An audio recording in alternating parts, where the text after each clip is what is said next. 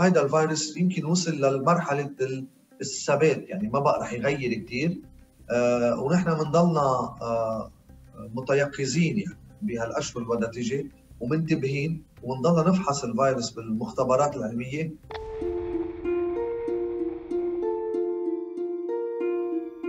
في طفرة علمية تخص تجارب لقاح فيروس كورونا طور علماء من جامعة واشنطن الأمريكية لقاحا تجريبيا ضد فيروس كورونا أقوى بعشر مرات من النماذج الأخرى قيد الاختبار حاليا. اللقاح وبحسب العلماء أثار استجابة مناعية للعدوى ليس فقط عشر مرات وإنما أيضا أثار الذاكرة القوية إذ يتذكر الجسم الفيروس الغازي لإنتاج الأجسام المضادة بشكل أسرع في حالة الإصابة. ويقول الفريق المسؤول عن الدراسة إن لقاحه لا يتطلب تخزينا في المجمدات مثل تلك التي تصنعها الشركات الأخرى ما يجعل إنتاجه وشحنه أسهل في جميع أنحاء العالم وهو ما يجعله متميزا عن العديد من اللقاحات الأخرى قيد التحقيق. يملك أيضا العلماء منصة جسيمات نانوية تساعد في مكافحة هذا الوباء وتحاكي الجسيمات النانوية إن كانت طبيعية أو صناعية تحاكي السمات الهيكلية للفيروس والتي غالبا ما تكون في حد ذاتها بحجم النانو. وهذا يجعل من السهل على الجسيمات النانوية أن تتشكل حسب حجم وشكل مستقبلات الفيروس. ويعرض لقاح UW Medicine المحتمل نحو 60 نسخة في مجال ربط مستقبلات الفيروس والذي يسمح له بالالتصاق بمستقبلات الجسم للدخول إلى الخلايا. وبعد ذلك سيتم تدريب الجسم على التعرف على هذه المستقبلات وبناء الأجسام المضادة ضدها لمنع العدوى في المستقبل من التجذر. وبعد أن اختبر الفريق لقاح الجسيمات النانوية الجديدة على الفئران أظهرت النتائج أن اللقاح ينتج أجساما مضادة أكثر بعشر مرات من تلك التي تتطور بشكل طبيعي ضد العدوى. ونتج عن التحصينات أيضا استجابة قوية للخلايا البائية والتي تحبس سطح مسببات الأمراض الغازية وتميزها للتدمير بواسطة الخلايا المناعية الأخرى. كما أنها تشكل خلايا ذاكرة تتذكر الفيروس الغازي لإنتاج الأجسام المضادة بشكل أسرع في حالة الإصابة المستقبلية وهذا الأمر مهم جدا في البحث عن لقاح. فالباحثون قالوا إن هذا يساعد في حماية الناس من الإصابة بسلالات متحولة من الفيروس. ومع ذلك هناك حاجة للدراسات البشرية المستقبلية. ووفقا لمسؤولي الدراسة فقد تم ترخيص اللقاح لشركتين من شركات التكنولوجيا الحيوية ليصنع على نطاق واسع ومن المتوقع أن تبدأ التجارب السريرية بحلول نهاية هذا العام.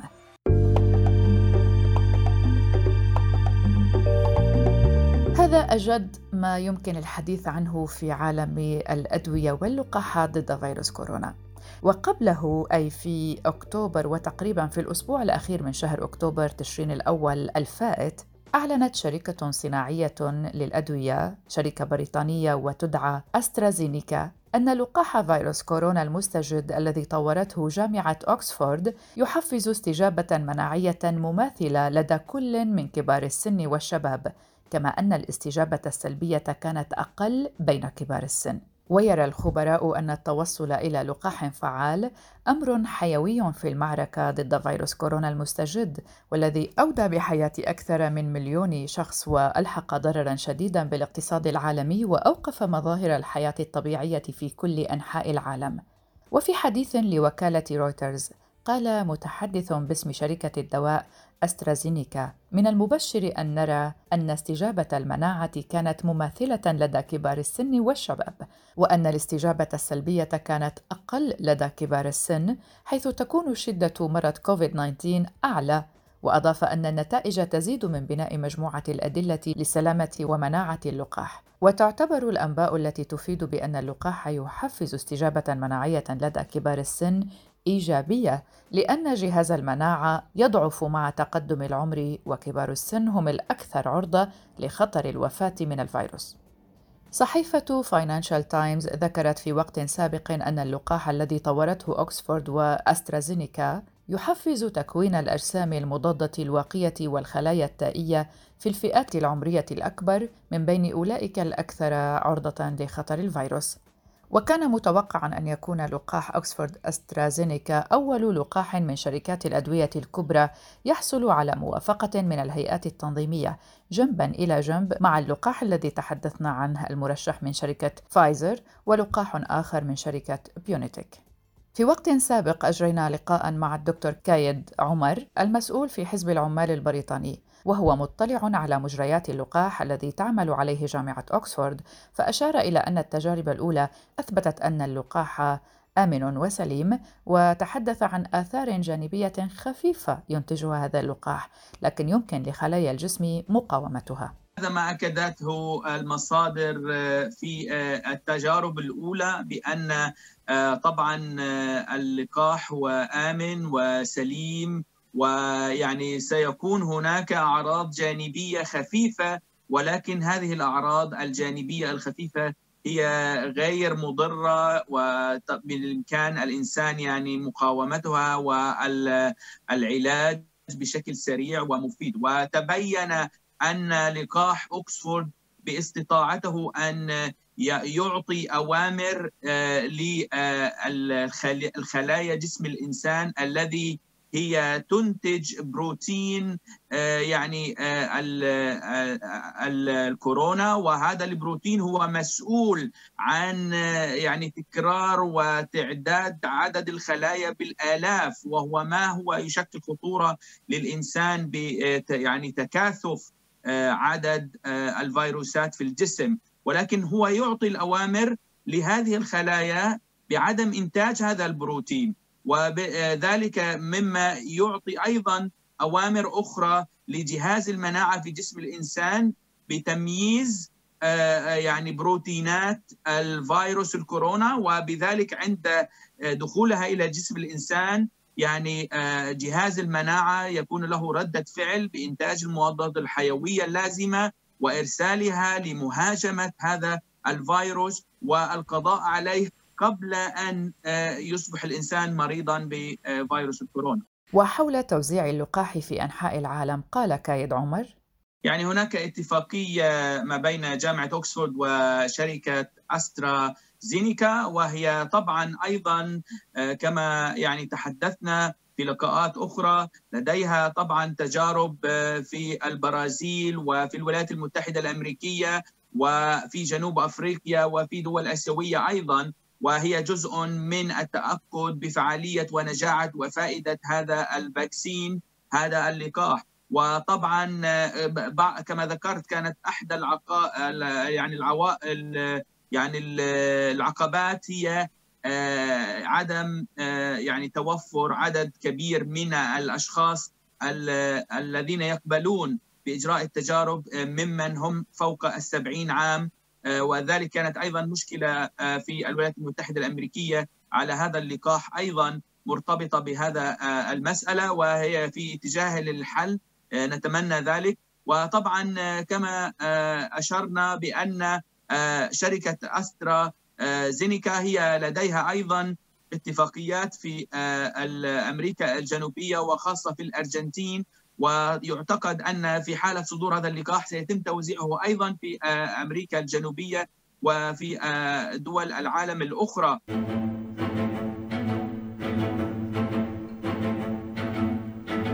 أيضا قبل بدء شهر نوفمبر الحالي شهر تشرين الثاني تحضر باحثون من المملكة المتحدة لإطلاق تجربة مثيرة للجدل تقضي بحقن المتطوعين الأصحاء بفيروس كورونا المستجد وذلك بهدف دراسة المرض على أمل الإسراع بتطوير لقاح له. إذا كل العالم يسعى إلى إيجاد هذا اللقاح وأيضا هناك متبرعون لتجربة حقنهم بكورونا. في بريطانيا تحديدا ويقولون بأنهم مستعدون لفعل أي شيء حتى ينتهي هذا الوباء. من بين الأشخاص الذين أرادوا الانضمام إلى هذه التجربة شابة تدعى دانيكا ماركوس تبلغ من العمر 22 عاما قالت إنها تريد المشاركة للمساعدة في إنهاء هذا الوباء بعد رؤية الفوضى التي أحدثها موضحة أن أجداد صديقتها المقربة فارقوا الحياة بسبب الفيروس في وقت سابق هذه التجربة الجديدة يطلق عليها تسمية دراسة التحدي وهي محفوفة بالمخاطر غير أن المؤيدين لها أشاروا إلى أنها قد تسفر عن نتائج أسرع من الأبحاث القياسية التي تدرس تأثير الأدوية التجريبية في المتطوعين المصابين بمرض كورونا. وقالت جامعة أمبريال كوليدج لندن إن الدراسة التي تضم متطوعين أصحاء تتراوح أعمارهم بين 18 إلى 30 عاماً ستجرى بالشراكة مع وزارة الأعمال والطاقة والاستراتيجية الصناعية ومستشفى رويال فري لندن وصندوق الائتمان لنظام الصحة الوطنية وشركة اتش فيفو وهي شركة لديها خبرة في إجراء مثل هذه الاختبارات. بالعودة إلى شهر أكتوبر تشرين الأول حيث كانت فعلا كل شركات الأدوية تسابق الزمن للتوصل إلى لقاح لفيروس كورونا. الجدل الأساسي كان حول سلامة اللقاحات المضادة للفيروس والذي سيظل قائما ربما حتى بعد انتهاء التجارب السريرية. الأمر الذي يؤثر على ثقة الناس في اللقاح ومنافعه الوقائية. ووفق خبراء في شؤون الصحة وبحسب صحيفة نيويورك تايمز فإن ملايين الأشخاص في الولايات المتحدة مثلا سيأخذون لقاح كورونا عندما يصبح جاهزا وبما أن كثيرين منهم سيفارقون الحياة بسبب عوامل وأعراض مختلفة فإنه من المرجح أن يتم ربط الوفاة بمسألة أخذ اللقاح. يخشى العلماء أيضا أن يتم ربط وفاة أي شخص أخذ اللقاح بمسألة المضاعفات في حين أن الناس يموتون بمرض كوفيد-19 الناجم عن فيروس كورونا وبغيره. والمقصود هنا هو أن شخصا ما مثلا سيتوفى بسبب مرض قديم في القلب لكن بما أنه أخذ لقاح كورونا قبل فترة قصيرة حتى يقي نفسه من الفيروس فإن معارفه وأهله ربما يعتبرون الأمر ناجما عن اللقاح. أوردت الصحيفة الأمريكية أيضا أن هذا الأمر يستوجب أن تبادر مؤسسات فيدرالية وأخرى في الولايات إلى التوصل وعرض البيانات من أجل التصدي للحملات المضللة. ولذلك فإن مبادرة البيت الأبيض في الوقت الحالي تركز على تسريع تطوير لقاحات مضادة لفيروس كورونا في مدة قياسية. وذلك من خلال تجارب سريرية واسعة ثم المرور إلى التصنيع في وقت لاحق. وبعد البدء في استخدام هذه اللقاحات ستواصل عدد من المؤسسات الطبية والعلمية في الولايات المتحدة بمراقبة التطورات الصحية لمن يأخذونها. باحثون أيضا في المراكز الأمريكية لمراقبة الأمراض والوقاية منها إلى جانب إدارة الغذاء والدواء الأمريكية قاموا بمتابعة استخدام اللقاحات على مدى عقود وهذا الأمر ساعدهم في تطوير برامج متطورة في تحليل البيانات. رئيس معهد سابين للقاح السيد بروس جيلين قال إن متابعة وضع اللقاحات يشبه ما تقوم به الأقمار الاصطناعية في عملية رصد أحوال الطقس، لكن مراقبة مئات الملايين من الناس الذين سيأخذون لقاحات من عدة شركات بحلول الصيف المقبل لن يكون بالأمر السهل على الإطلاق، وربما يكون بمثابة عاصفة هوجاء لم يجري التعامل معها منذ قبل ففي سنة 2009 مثلا وعندما انتشرت سلالة جديدة من إنفلونزا H1N1 سارع الباحثون إلى تطوير لقاح. وفي الفترة ما بين أكتوبر تشرين الأول 2009 ويناير كانون الثاني 2010 تم تقديمه لأكثر من 82 مليون شخص في الولايات المتحدة. وكما هو معتاد تم تشكيل نظام خاص وقتها من أجل رصد أي مضاعفات مقلقة لدى الأشخاص الذين أخذوا اللقاح. أما في سبعينيات القرن الماضي فكان ثمة برنامج أمريكي يحث الآباء على الإبلاغ بشأن أي مضاعفات لدى أبنائهم بعد القيام بعمليات التلقيح. وبما أن الناس قد يبلغون عن تطورات لا علاقة لها بأخذ اللقاح اعتمدت السلطات الصحية الأمريكية في سنة 1990 على نظام للرصد يستعين بتقييم هيئات تقدم الرعاية الصحية وذلك من أجل ملاحظة المضاعفات والإبلاغ عنها عندما تظهر على أشخاص أخذوا اللقاح نفسه. بين كل الأسئلة التي قد تراودنا اليوم هناك سؤال يبدو أنه فعلا قد استفحل في دول العالم وهناك مخاوف كبيرة تتركز على اقتراب فصل الشتاء ولذلك يسأل الجميع هل ستتغير تركيبة فيروس كورونا المستجد في فصل الشتاء؟ والذي كما هو معلوم يحمل العديد من الأمراض والفيروسات. فكيف الحال في ظل كوفيد 19 جانبه قال دكتور ناجي عون رئيس قسم الأمراض المعدية بمستشفى كليمونسو في بيروت أن هناك عدة أنواع من كوفيد 19 ولا تتسبب بعض الأنواع المنتشرة من هذا الفيروس بالتهابات حادة أو الاضطرار لدخول المستشفى. إلى حديت اليوم الدراسات آه، الأوروبية والأمريكية أظهرت أنه آه، في وجود ل آه، عدة أنواع من فيروس الكورونا الموجودة عم تنتشر على الكره الارضيه بس في نوعين أكثر شيء منتشرين وهن ما عم بيسببوا بالتهابات أو حالات دخول مستشفى أو تدهور لصحة المرضى أكثر من الأرقام اللي عم نشوفها عاده وكل هيدي بترجع ل لشغلة يمكن نحن هلأ عم نشوفها. إنه هيدا الفيروس يمكن وصل لمرحله الثبات. يعني ما بقى رح يغير كثير ونحن بنضلنا متيقظين يعني بهالأشهر والنتيجه ومنتبهين ونضلنا نفحص الفيروس بالمختبرات العلمية تنأكد على هالموضوع، إذا هالشغله ثبتت خلال الشهرين اللي جايين معناتها الطعم رح يكون عنده نتائج آه، كثير منيحة ورح نقدر نسيطر عليه لفيروس الكورونا. يثير تطور وباء كوفيد 19 حاليا قلقا بالغا بعد واقع ارتفاع معدل الإصابات بالفيروس في العالم. دكتور ناجي عون أوضح أن عملية الإغلاق الجزئي في الدول ستعمل على السيطرة على تفشي الفيروس. اذا رح يفتحوا البلدان مثل ما آه، فتحت السويد آه، بلادها وصار في عندهم عدد وفيات كبيرة آه، يمكن نرجع نشوف نفس السيناريو بس إذا رح نشوف عملية إغلاق ولو جزئي للبلاد أو اقتصاد بطيء بالبلاد مثل ما هلا عم نشوف بفرنسا وبإنجلترا وباسبانيا وببلجيكا. يعني البلدان وحدة ورا الثانية عم تستبق الأمور وعم تبلش تسكر. لأنه يعني كلنا تعلمنا إنه لازم نبلش ننتبه ونخفف الإصابات شهر قبل بداية فصل الشتاء. يعني مش ننطر ليجي فصل الشتاء تنبلش بهالموضوع. لازم نبلش في أربعة أسابيع قبل بداية موسم الشتاء.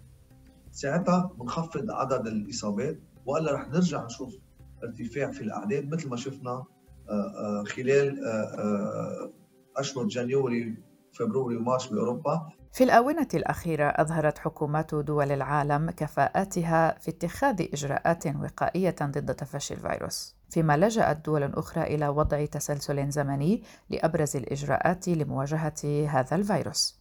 أهم شيء الكمامات غسل الإيدين أو المعقمات للإيدين وفتح الشبابيك وامضاء أقل وقت ممكن مع الأشخاص آه، آه، داخل غرفة واحدة في الاجتماعات اليومية. فيروس الكورونا بينقل بالإيدين لما بنحط إيدنا على العين والأنف والفم لازم نغسل إيدينا قبل ما ندقر الوجه وقبل ما آه، ناكل ونحط إيدنا بتمنا هيدا هيدي هي التدابير الاحترازية الأهم شيء لازم نعملها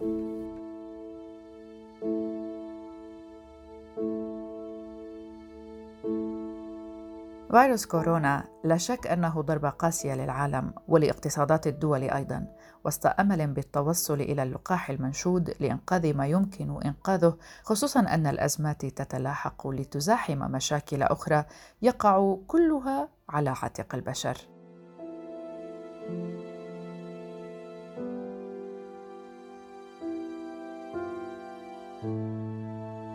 هذه كانت حلقة من بودكاست في عشرين دقيقة من إعدادي وتقديمي براء صليبي لا تنسوا متابعتنا عبر بقية منصات البودكاست وعبر موجات راديو الآن وعبر موقعنا الرسمي الآن دوت إف إم. شكرا لكم لحسن المتابعة. إلى اللقاء.